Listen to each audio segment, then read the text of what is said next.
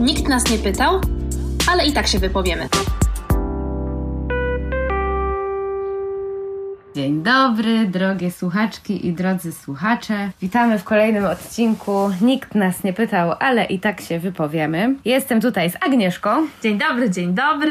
Jak zwykle będziemy się wypowiadać na tematy, o które nikt nas nie pytał, ale i tak się wypowiadamy. Ale wypowiadamy się dzisiaj na ważny temat. Zatytułowałyśmy sobie nasz odcinek Prawo do ciała. Chcemy to rozważać na wielu poziomach dzisiaj. Tak, zbyt wielu. Nawet nasze notatki nas pokonały. Nasze notatki nas pokonały i mamy nadzieję, że coś się z tego gąszczu notatek i z e, chaosu naszych powiązań pomiędzy tymi myślami coś się jednak wyłoni. No i najpierw chciałyśmy w ogóle zacząć od tego, jak to prawo rozumiemy. Bo możemy, mówiąc o prawie do ciała, jakby rozważyć to na wielu poziomach, bo z jednej strony jest prawo, które jakby jest litera prawa i jakby jest pewne po prostu prawo, które istnieje i jakby wszyscy wiemy do czego pije i do kontekstu obecnego politycznego w Polsce i jest pewne prawo, które no ogranicza akurat w Polsce prawo kobiety do, do, do decydowania o własnym ciele. No ale jest też jakby cały taki porządek prawa powiedzmy kulturowego, metaforycznego, społecznych norm. Tak, i to jest takie niepisane prawo, które chyba jest jeszcze gorsze, wydaje mi się, chociaż nie wiem, może jednak cofam to, nie wiem, co jest gorsze.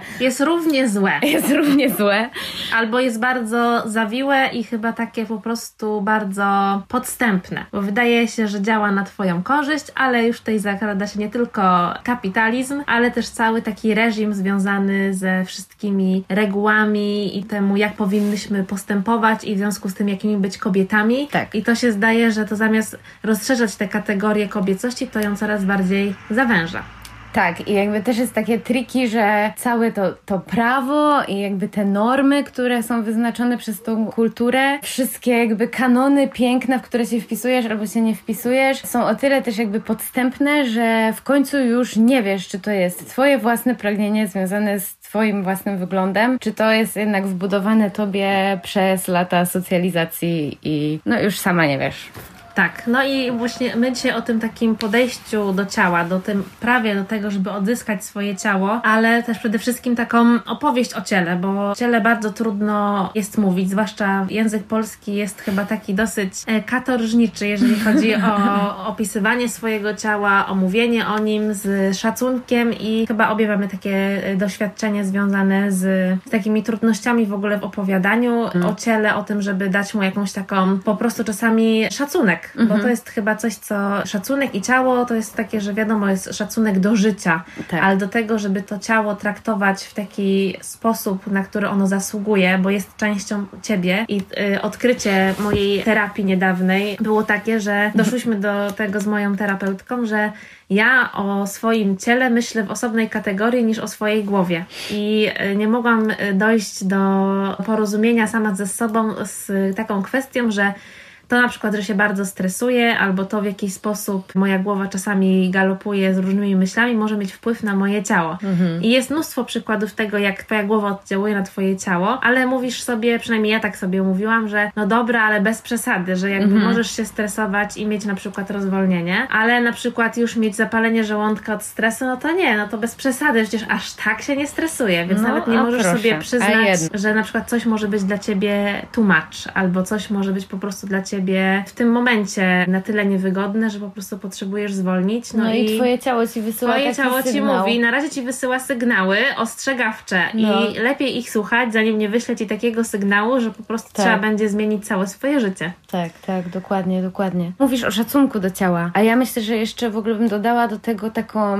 czułość właśnie. Oj tak, czułość. Że powinniśmy być w ogóle swoim ciałom mega wdzięczni i wdzięczne za to, że, bo to jest jakby to, nasze ciało to jest wspaniałe wspaniała maszyna, która nas niesie przez całe życie tak. i tak naprawdę nie rozumiemy w ogóle procesów bardzo często, które się w tym ciele dzieją. No to jest bardzo skomplikowane. E, kurde, no to jest jakiś cud natury, nie? Że no mamy, jest. kurde, stopy, które nas noszą przez cały dzień i w ogóle stopy też jako mega niedoceniona część ciała, które noszą ten ciężar nasz i pozwalają nam się przemieszczać. No i w ogóle tutaj też chyba warto w tym miejscu zaznaczyć, nie? Że bo ja mówię o takiej wdzięczności wobec własnego ciała, które jest właśnie w pełni sprawne, nie? Tak? I w tej naszej takiej opowieści, którą na co dzień nam się sprzedaje, a która nas bombarduje, czy to na Instagramie, czy na innych mediach społecznościowych, gdzie widzimy te wszystkie piękne ciała wytrenowane, opalone, wydepilowane, Mhm. bez rozstępów, bez podrażnień po goleniu i tak dalej, no to są ciała, które są całkowicie sprawne i też zdałyśmy sobie właśnie z tego sprawę, że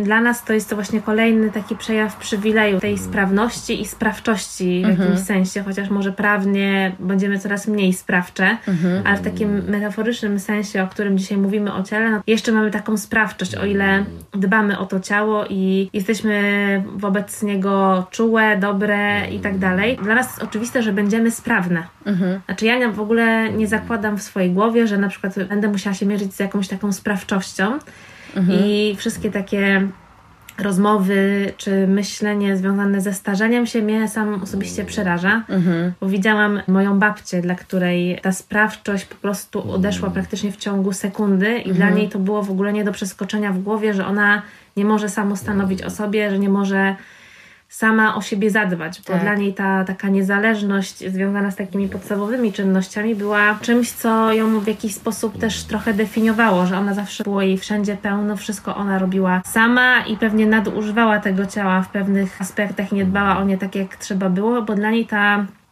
no właśnie sprawność była właśnie bardzo oczywista.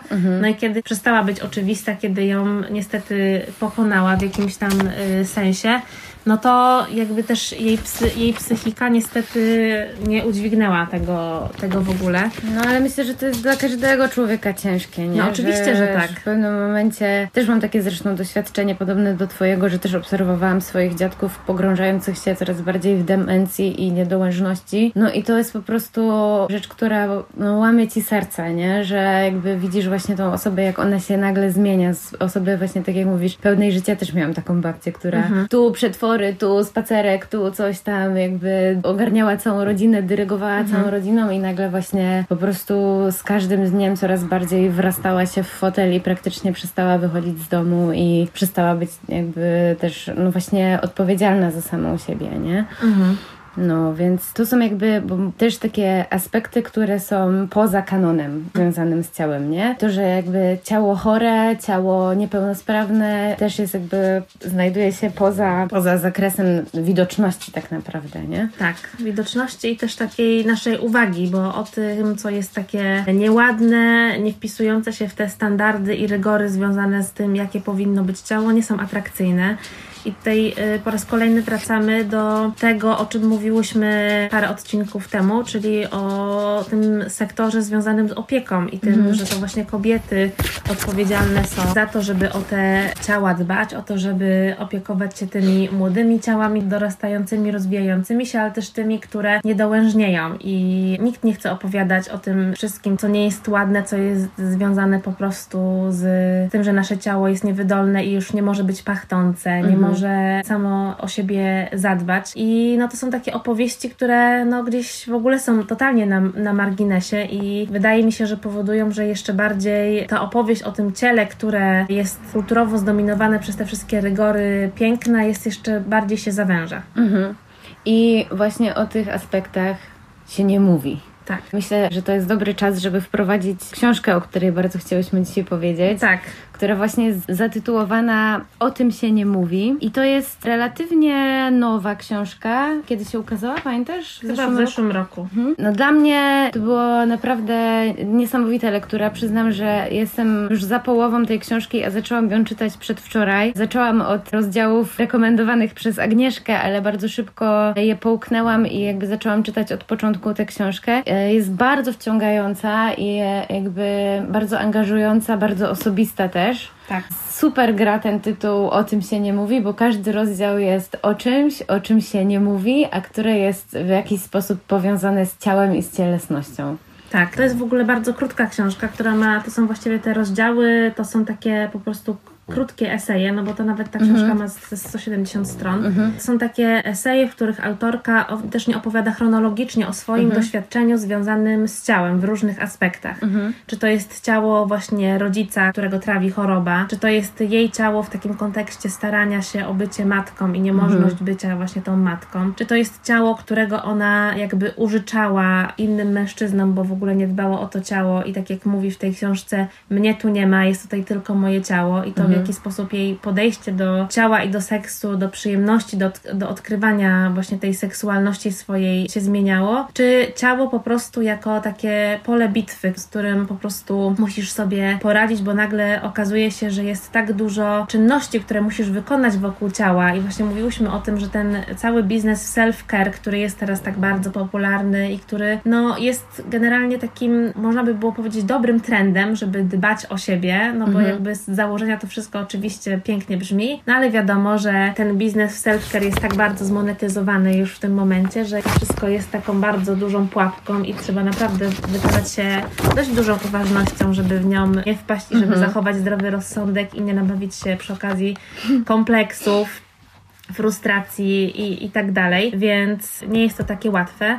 No ale wracając do Emily Pine, no to jest to niesamowite, że ja na przykład jak czytałam tę książkę, a czytałam ją jakiś czas, ponieważ ona mi się od pierwszych stron, ja wiedziałam, że to jest w ogóle bardzo dla mnie będzie ważna książka. Jak wiedziałam, że nie mam czasu i nie mogę się skupić, to nie sięgałam po tą książkę, tylko wiedziałam, że muszę do niej usiąść, kiedy ona rzeczywiście będę miała taką uważność.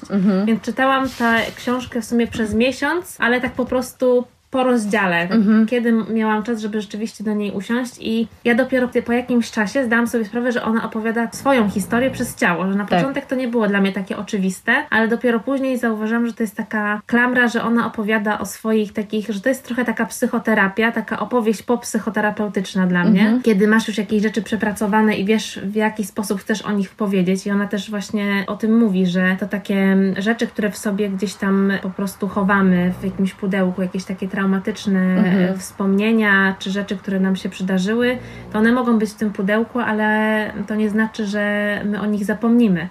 I on, że one nie będą wracać. I że tylko jeżeli to będzie taka dobra pamięć o tym, że porozmawiasz sobie o tym, o, przepracujesz sobie te rzeczy i dopiero wówczas, kiedy one będą do ciebie wracać, no to będzie taka pamięć związana z tym, że wiesz o co chodzi, możesz to z powrotem schować do pudełka, ale takie nieprzepracowane pudełko to niestety tak będzie wybijać trochę w tobie i to nic dobrego niestety nie przyniesie na dłuższą metę. No tak. Rzeczywiście ona e, ciągle do tego ciała wraca i to nie tylko jej własne ciało, ale też jakby całe, też ciała jej bliskich opowiadają te Tak. jej historie i to jest, to jest niesamowite. Pierwszy rozdział dla mnie, który, który otwiera tę książkę, był dla naprawdę wstrząsający. O tym się nie mówi i właśnie nie mówi się o czym. W tym pierwszym rozdziale ona mówi o chorobie alkoholowej swojego ojca ale mówi też, opowiada całą historię jego choroby, kiedy już jego ciało odmówiło mu posłuszeństwa i po prostu uległo pod naporem tego nałogu. Ona na- musiała się tym swoim ojcem razem ze swoją siostrą opiekować. No i właśnie jest bardzo ta historia osobista, ale ona też w punkt bardzo wiele ciekawych jakby obserwacji nam daje. Mówi na przykład właśnie o tym, jak wiele zależy, jeśli chodzi o nasze zdrowie i samopoczucie od takich podstawowych rzeczy, które w tym szpitalu, gdzie przyjechała się opiekować swoim ojcem, w tym szpitalu jakby nie były mu zapewnione, bo szpital miał za mało personelu i jej ojciec leżał kilka godzin we własnych odchodach, bo nikt nie przyszedł mu zmienić po prostu pościeli. Właśnie opowiada o tym, że musiała się tym zająć, co w ogóle też jest mega trudne do przeskoczenia, jak to jest nagle twój rodzic i musisz coś tak intymnego mu zrobić. Rodzic też, który cię bardzo zranił i który Tak. właściwie nie był twoim rodzicem, nie? No Jest właśnie. tylko z takim rodzicem z, z tytułu, No właśnie. ale no ta relacja w ogóle, o której ona potem więcej mówi, Mhm. no jakby nadaje temu wszystkiemu taki kontekst, że sobie myślisz, że ja byłam strasznie wkurzona, jak to czytałam, że sobie myślę, tego że ojca. na tego No. ojca i na to wszystko ja po prostu bardzo czułam tę frustrację, którą ona też miała, no bo to jest tak, że one po prostu musiały ze swoją siostrą rzucić wszystko i nagle pojechać w ogóle do obcego kraju, żeby ratować tego ojca, który w ogóle no nie był za bardzo obecny w ich życiu. No Mhm. Tak, i on ich nie problemu. obdarzył taką opieką, nie? Tak. No super ciekawy rozdział, naprawdę też o tym, jak potem on e, wspominał ten okres, kiedy był w szpitalu i też jakby nie zauważał wielu rzeczy Tak, to były zupełnie inne opowieści, Tak. bo on też właśnie był pisarzem Mhm. i on opowiedział o tym swoim doświadczeniu i jak ona przeczytała te jego krótkie opowiadanie, to chyba było, no to zdziwiła się, jak bardzo inaczej można opowiadać o tym doświadczeniu, że dla Mhm. niej to było bardzo takie cielesne doświadczenie, a on w ogóle o tym ciele i o tym, że stracił Mhm. w ogóle taką sprawczość związaną ze swoim ciałem, że musiał, był, że był kompletnie zdany na właśnie tą sferę opieki na Mhm. tych ludzi, którzy właśnie dbają o to, żeby zapewnić mu takie podstawowe potrzeby, jak możliwość wypróżniania się tego, żeby Tak. był czysty, żeby po prostu nakarmić go, to w ogóle było poza jego sferą, on po prostu to, to totalnie wyparł i ona też bardzo dużo mówi o takim wyparciu z, związanym z doświadczeniem cielesnym, Mhm. że bardzo dużo rzeczy my wypieramy, chociaż nasze ciało pamięta i są takie, Mhm. coś takiego jak pamięć ciała na Tak. dźwięk różnych rzeczy, na zapach, że po prostu gdzieś to w naszych ciałach, jak ona też mówi tak bardzo ładnie, w biografii naszego ciała się gdzieś Mhm. to zachowuje. Właśnie ta książka, ten zbiór tych bardzo krótkich esejów, tych opowieści o jej doświadczeniu właśnie powstał dlatego, że ona napisała, nagle po prostu poczuła, że chce napisać o tym, jak ona widziała tę podróż do, do Grecji, tą opiekę nad ojcem, to Mhm. doświadczenie. I ona po prostu je napisała i schowała do szafy i po dwóch latach pokazała komuś. Ta jej chyba redaktorka powiedziała, że stara, ty musisz w ogóle napisać więcej, Mhm. że w ogóle to jest świetne. No i ona zaczęła tak pisać i ona powiedziała, że nie wie, bardzo często też wraca w tej książce takie pytanie, że ona nie wie od czego to się zaczęło, nie wie jak Mhm. opowiedzieć to i właśnie mówi, że ten brak chronologii jest też taką odpowiedzią na to, że właśnie nie wiesz jak o tym opowiedzieć, Bo o tym się nie mówi, bo, bo, o tym się właśnie trudne, nie mówi, nie masz nie? tego języka i nie ma takiego jednego punktu, że Tak. na to wszystko, co się z tobą wydarzyło, jak się czujesz, ma wpływ tak wiele czynników, że nie znajdziesz takiego jednego wspólnego punktu opowieści, która będzie gdzieś tam tym, że zaczęło się od tego. No to się- właśnie tym wspólnym punktem jest właśnie ciało i od tego ciała zawsze wychodzi. Jeszcze chciałam tylko dodać, że te obserwacje jej są naprawdę niezwykle wnikliwe i mówi jeszcze o tej opiece nad ojcem i też jakby wskazuje na to, że ta niepełnosprawność, w pewnym sensie niedołężność tego ojca daje jej takie krótkie wprowadzenie do świata niepełnosprawności, Mhm. bo jak go tam przewozi z Grecji do Irlandii, to no to pcha ten wózek przez lotnisko, tak, ten wózek się nie mieści, w, na przykład w sklepie, Mhm. y, że ludzie jej pomagają wejść na pokład, ale jakby bardzo są dla niej uprzejmi i mili, ale w ogóle nie zwracają uwagi, jakby nie obmiatają wzrokiem tego ojca i nie Tak. patrzą na niego, więc to też jakby pokazuje to, o czym mówiłyśmy wcześniej, nie, że to ciało właśnie, które się nie wpisuje w kanon sprawnego młodego ciała, też jakby jest jakby poza wzrokiem nawet. No ale ona też mówi o wielu innych rzeczach związanych z ciałem, o których się nie mówi i mówi na przykład o zaburzeniach swoich łaknienia, Tak. o swojej jakby chorobie związanej z tym, że no chciała coś bardzo kontrolować, więc zaczęła kontrolować kiedy je, więc była bardzo wychudzona. Mówi o tym, mówi o tym, że została zgwałcona, bo ty wspomniałaś o tym, że jakby jakie miała podejście do swojego ciała, takie właśnie bardzo, no można powiedzieć, niefrasobliwe. Piła na umór, brała narkotyki, imprezowała do rana, tam właśnie wracała z imprez z kolesiami przypadkowo poznanymi, no i opowiada też w bardzo przejmującym rozdziale o tym, że została zgwałcona i Że ona przez wiele lat nie zdawała sobie z tego sprawy, Tak. że, że to się wydarzyło. No, więc właśnie znowu o tym się nie mówi, bo jakby no nie miała słów na to. Nikomu też o tym pewnie nie opowiedziała. Gdzieś tam zrobiła to dopiero, zebrała się na odwagę przy pisaniu tej książki. Także naprawdę niesamowita lektura. Ale jest też jeden taki bardziej lajtowy, trochę bardziej lajtowy rozdział o, o miesiączkowaniu. Po raz kolejny się jakby objawia ten tytuł. No o menstruacji też się jakby nie mówi bardzo często wprost i gdzieś tam ta krew miesiączkowa, która się pojawia co miesiąc w życiu prawie każdej kobiety, no to jest też spychana poza margines widzenia. Musimy się same nią zająć, same ją ogarnąć. Najlepiej tak, żeby nikt nic nie widział i ja Tak. sama bardzo często widziałam swoje koleżanki, które gdzieś tam po prostu ukrywają pod paskę, że idą Tak. ją zmienić do, do toalety, że w ogóle, że mają okres, to po prostu mówią o tym szeptem.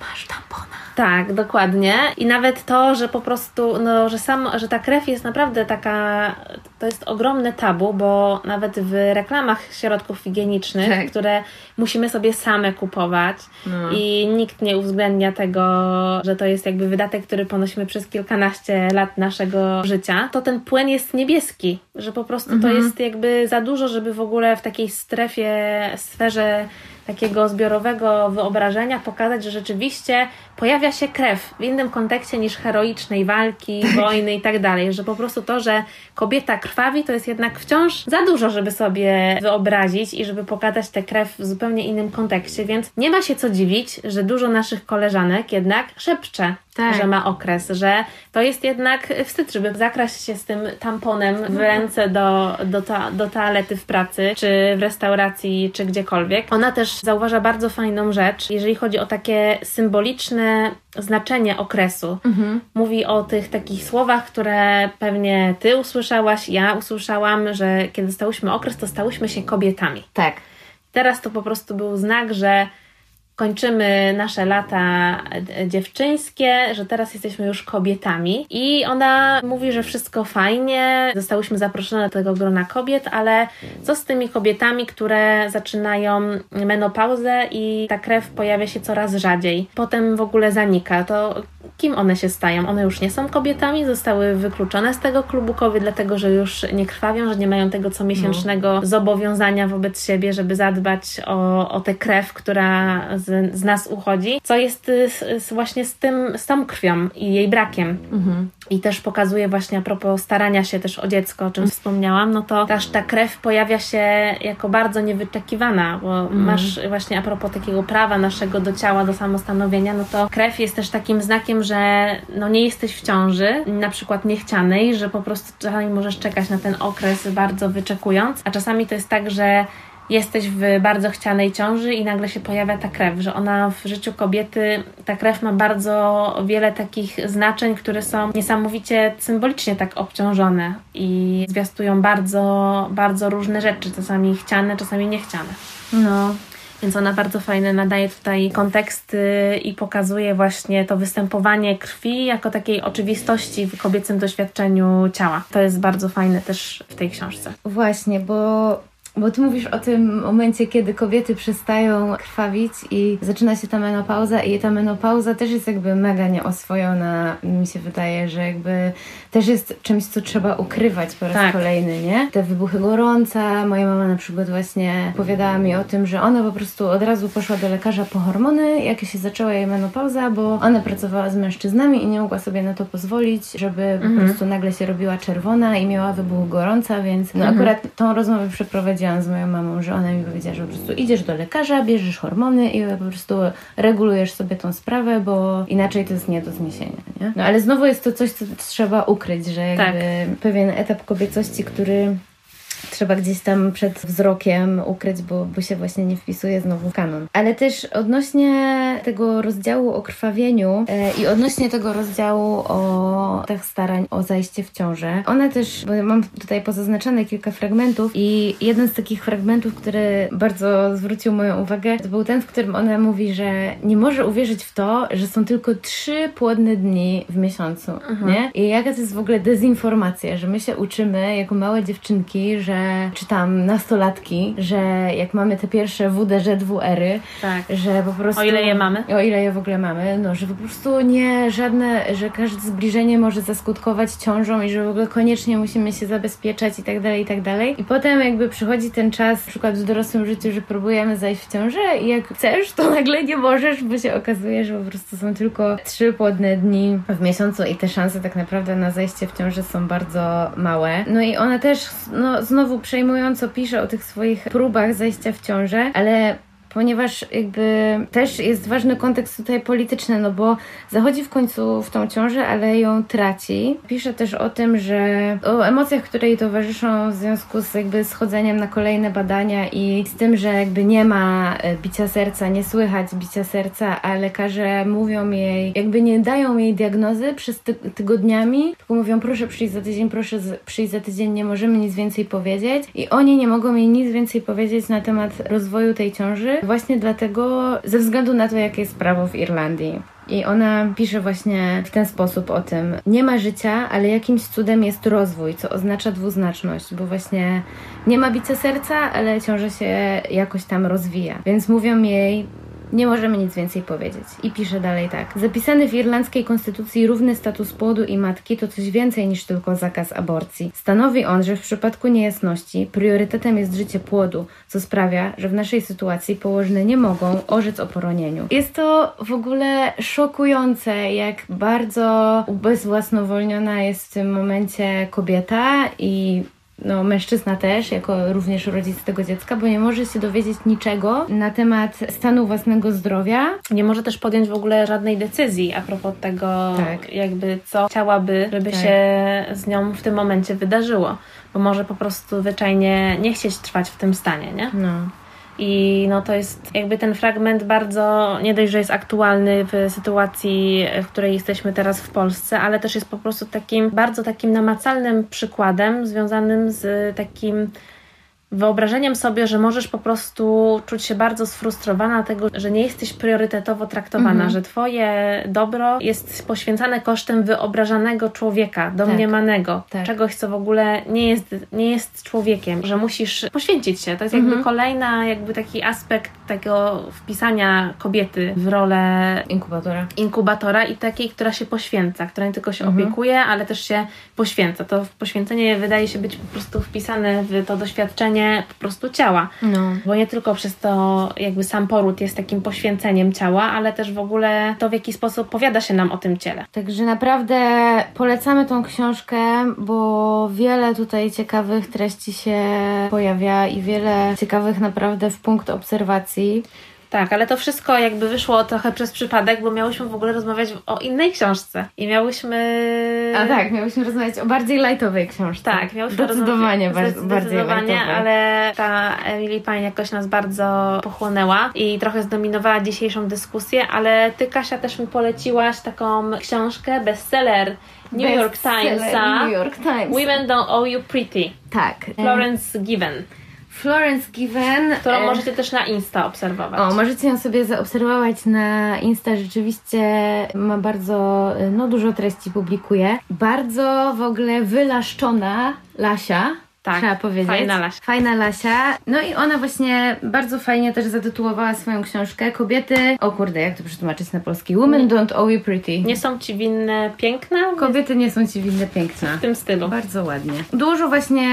To jest taki, powiedziałabym, poradnik. Tak, ja byłam na przykład zdziwiona, bo myślałam, że będzie dużo takich rozważań, bardziej oczywiście w takim ujęciu pop, o tym, dlaczego nie musimy być piękne i dla kogo jesteśmy piękne i jak to piękno jest nam kulturowo ustawiane, gdzieś tam też po prostu w takim przekazie pop, ale to jest taki bardziej trochę poradnik, trochę miałam takie wrażenie, że po terapii masz taką ochotę spisać wszystkie rzeczy, których się dowiedziałaś, że trzeba Tak. o siebie dbać, że trzeba szanować uczucia innych, że ważna jest empatia i że generalnie, jak sama zauważyłaś, a to w ogóle wydaje się w kontekście ciała mm, bardzo znaczące, że ta książka mówi ci, nie musisz w ogóle się niczym przejmować, w ogóle bądź sobą i w ogóle jesteś piękna, nieważne w jakim jesteś rozmiarze, jak wyglądasz, ale z drugiej strony żeby dbać o siebie, a dbanie o siebie jest dobre, to tutaj masz takie zasady, rób to, Tak, to, tak, to, tak, tamto, tak, tak. czytaj to, obserwuj ją, jego i najlepiej jeszcze inne rzeczy. No. I to się do- doskonale też łączy z tym, co ja ostatnio opowiadałam swojej terapeutce, że doszłam do takiego wniosku, teraz w czasach pandemii zwłaszcza, że dbanie o siebie to jest taka ciężka praca. Mega ciężka I to jest naprawdę bardzo ciężka praca, więc na przykład jeżeli teraz macie słabszy moment, to też nie biczujcie się za niego, bo każdy ma prawo mieć słabszy moment i czasami można sobie zrobić przerwę w self-care, w takim, że po prostu jak sobie zdasz sprawę z tego, ile takich dobrych rzeczy powinno się zrobić dla siebie i dla swojego ciała i dobrego samopoczucia w związku z tym, bo to jest naczynie połączone, Mhm. No to się okazuje, że masz od rana do wieczora listę zadań do wypełnienia. Oprócz Tak. tego, że gdzieś tam trzeba jeszcze pracę zmieścić, to jeszcze trzeba by najlepiej się poruszać, wyjść na spacer, ugotować dobrze, zrobić sobie na przykład, ja teraz odkryłam pranamat, więc y, po prostu masaż na pranamacie musi też być codziennie, żeby zrelaksować mięśnie. Tutaj dbać o relacje, tu jeszcze coś zrobić dla rozwoju osobistego, więc to jest po prostu taka zabiegi pielęgnacyjne na skórę, to po prostu,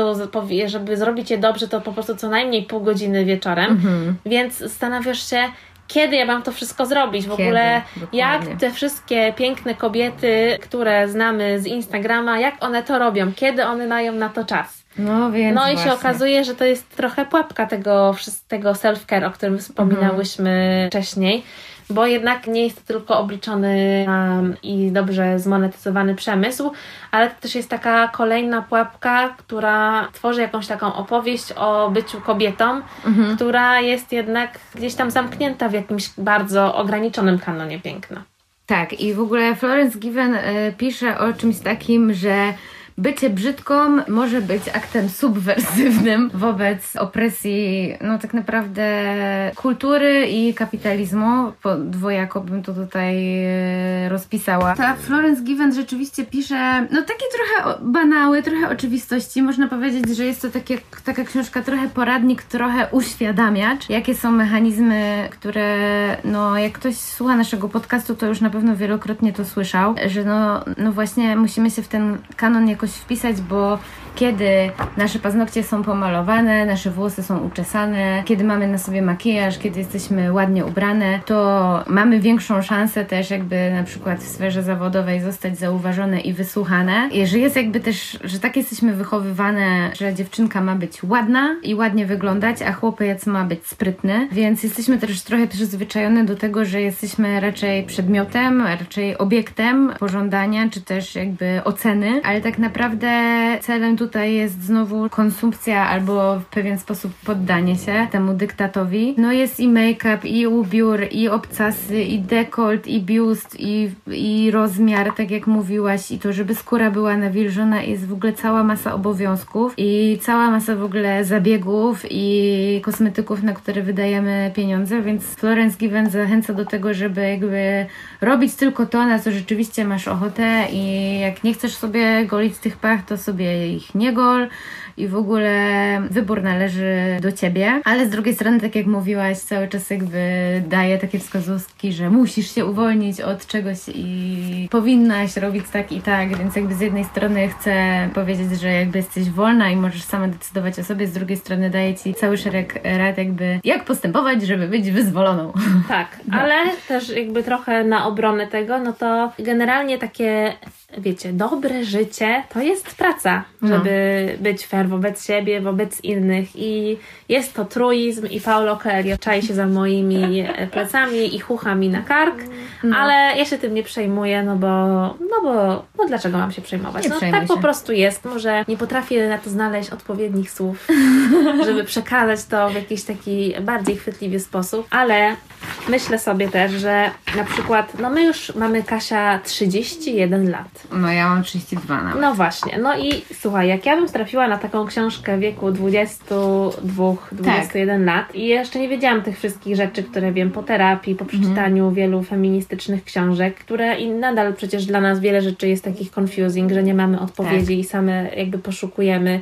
I ja na przykład sama nadal nie wiem, czy maluję się dla siebie, czy dla innych, a nawet jeżeli wydaje mi się teraz, że maluję się dla siebie, bo to bardzo lubię, no to jednak mi się wydaje, że ja sama sobie dodaję odwagi tym, że wydaje mi się, że po prostu ładniej wyglądam. No. No, i to jest jakby kolejna pułapka.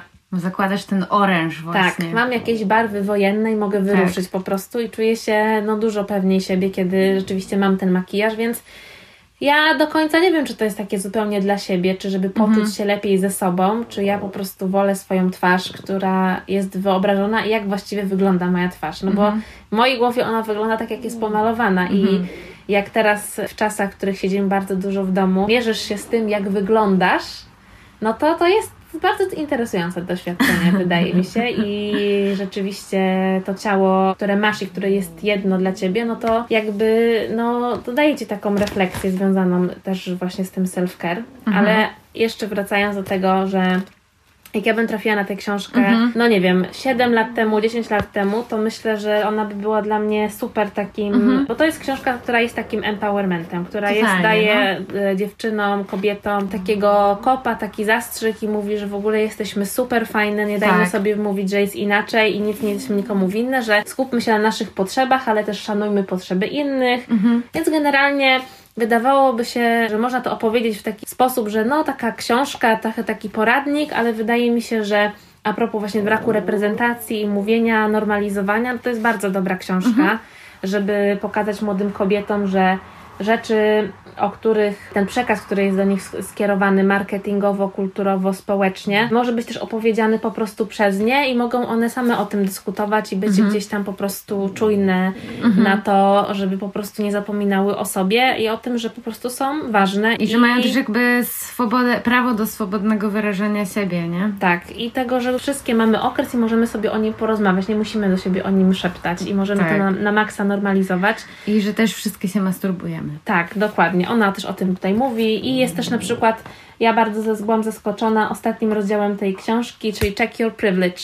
Bardzo mi się to podobało i można mieć takie wrażenie, że w tej książce jest trochę wszystko. Tak i miszmasz, no. Trochę jest miszmasz, ale ona jest też pięknie wydana, więc ja generalnie dla wszystkich kobiet, które potrzebują trochę empowermentu, a zwłaszcza takich kobiet wchodzących w ogóle w dorosłość, to uważam, że to jest super fajna książka. Tak, też mi się wydaje, że, po, że rzeczywiście taki miszmasz, ale że porusza bardzo wiele też rzeczy takich typowo kobiecych, nie? Z którymi się spotykamy. I w ogóle warto też ją, myślę, obserwować na Insta, bo mam fajny content. I a propos tego, to chciałam też powiedzieć, że no właśnie, bo Florence Given też daje taką poradę w tej swojej książce, że żeby się trochę nie dać temu dyktatowi pięknego ciała wpisanego w kanon, to warto też jakby sobie zaobserwować na Instagramie różne profile, które promują jakby też inne ciała, Tak. nie tylko takie wpisujące się w kanon. I wtedy jakby twój feed jest bardziej jakby zróżnicowany. Nie masz tylko tych wylaszczonych, nie wiem, nie tylko Ania Lewandowska się tam pojawia. Pozdrawiamy, by the way. To siłę kobiet Siłę kobiet. w wydaniu L, niezbyt. E, nie tylko właśnie jakieś tam super sportsmenki czy piękne e, panie z okładek się pojawiają w Twoim feedzie wtedy, tylko też na przykład inne ciała. No właśnie. Ja obserwuję sobie na przykład taki profil cielesny, który ma też bardzo ciekawe informacje o polityce wobec kobiet i ich ciał, ale też jakby wrzuca taki content z, no właśnie z takimi ciałami nie do końca się wpisującymi w kanon. I obserwuję sobie też psychoseksologicznie, które jest o seksualności w ogóle, o psychoseksualności, o orientacji psychoseksualnej, o ciele i o płynącej z ciała przyjemności, o różnych stereotypach, rolach społecznych związanych właśnie z ciałem. Także bardzo polecam te dwa konta, bo one też jakby pozwalają trochę inaczej na to ciało spojrzeć. No i obserwuję też oczywiście Lizo, która No, prawie wiadomo. każdym swoim postem udowadnia, że jakby inne ciało też może być piękne i bardzo dużo też pod różnymi postami Lizo jest takiego też empowermentu dla dziewczyn XL. No więc jakby też rzeczywiście fajna taktyka, żeby trochę sobie ten fit zróżnicować i żeby różne inne profile jakby promujące body positive, podejście do ciała takie całościowe, nie tylko chodzi o rozmiar, ale też w ogóle o ciała, które są inne, piegowate, nie wiem, z jakimiś chorobami. Z rozstępami, Tak. z podrażnioną skórą. No. No, z wieloma innymi rzeczami, no bo bardzo łatwo można poddać się takiemu po prostu dyktatowi tego, w jaki sposób nasze ciało powinno wyglądać. I no pewnie każdy z nas ma jakieś inne granice, czy inne normy, w których czuje się po prostu ze sobą dobrze, inną wagę, która sprawia, że się czuje dobrze ze sobą, czy też po prostu inny stan, no nie wiem, owłosienia, depilacji, wszystkich tych y, makijażu, fryzury i tak dalej, więc nie jest to łatwe, żeby znaleźć ten złoty środek i po prostu nawet dowiedzieć się, co tak naprawdę się lubi samemu, bo jest to po prostu bardzo wszystko obciążone takim przekazem popkulturowym. No i gdzieś znaleźć w tym siebie to nie jest po prostu łatwe, więc uważam, że trzeba sobie najzwyczajniej w świecie dać na luz. Dać na luz. O, to ja jeszcze na koniec polecę jeszcze jeden profil na Instagramie, No, który? bo jest jeszcze Celeste Barber. A o Jezus, Ales jest wspaniała. Ona jest wspaniała. Ona tak właśnie. Ona jest w ogóle stand-uperką, też komiczką i no wspaniale wyśmiewa właśnie te, te kobiety z okładek i tę ich doskonałość, jakby parodiując to, co top modelki i inne zgrabne, szczupłe, piękne panie prezentują sobą, ona po prostu je parodiuje i po prostu jest taka beka. Pozdrawiam Celeste Barber bardzo gorąco. Myślę, że zwiększą jej się też zasięgi w Polsce, bo ostatnio nawet Make Life Harder ją udostępniła. O, no to już teraz po prostu Celest rozbije internet. Nie ma innego wyjścia. No tak, no to co? No to Yy, czuję, że nie wyczerpałyśmy tego tak, tematu. bo jeszcze mogłybyśmy mówić o body positive i chyba w końcu zrobimy o tym odcinek. Zrobimy o tym odcinek. Tak, myślę, że, że trzeba, bo to jest też bardzo feministyczny temat i chyba też trochę kontrowersyjny, Tak. więc myślę, że się do Uwaga, tego zabierzemy. kontrowersja. Uwaga, Ale kontrowersja. to w nowym roku już się zabierzemy. za Tak, bo już mamy tutaj zaplanowane wszystkie pogaduchy do końca roku, więc tak, a przyszły odcinek też będzie trochę o ciele, więc ta kontynuacja Tak. myśli cielesnej i kolekcjonowania biografii naszych ciał będzie, Będzie. będzie. w tym podcaście. Jeszcze mogę jedno polecenie wrzucić? Dawaj. To jeszcze polecam początkujący podcast Mhm. Oli Juchacz i Marty Krawczyk, które zaczęły nagrywać podcast, który jest, się skupia tylko na ciele. Nazywa się Mam ciało i co dalej? Mhm.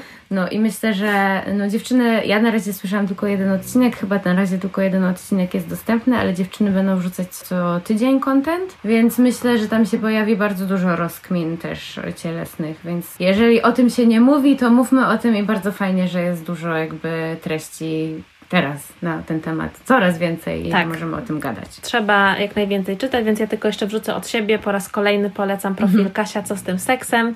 Będzie też niedługo apka, którą właśnie Kasia tworzy, więc wszystkie informacje znajdziecie u niej na profilu i to jest po prostu konieczność. Każdy powinien obserwować, no i niezmiennie Natalia Proseksualna, która prowadzi Instagrama i bloga swojego Proseksualna, więc tak, o ciele w bardzo różnych kontekstach i też po prostu dużo o seksualności. No i pięknie. No to tyle. Polecanko było. Polecanko było, zapowiedź jakichś kolejnych rzeczy też była, no to możemy się już pożegnać. No to pa! Dziękujemy! Nikt nas nie pytał, ale i tak się wypowiemy. Producentem podcastu jest Estrada Poznańska. Wszystkie odcinki znajdziesz na estrada.poznan.pl.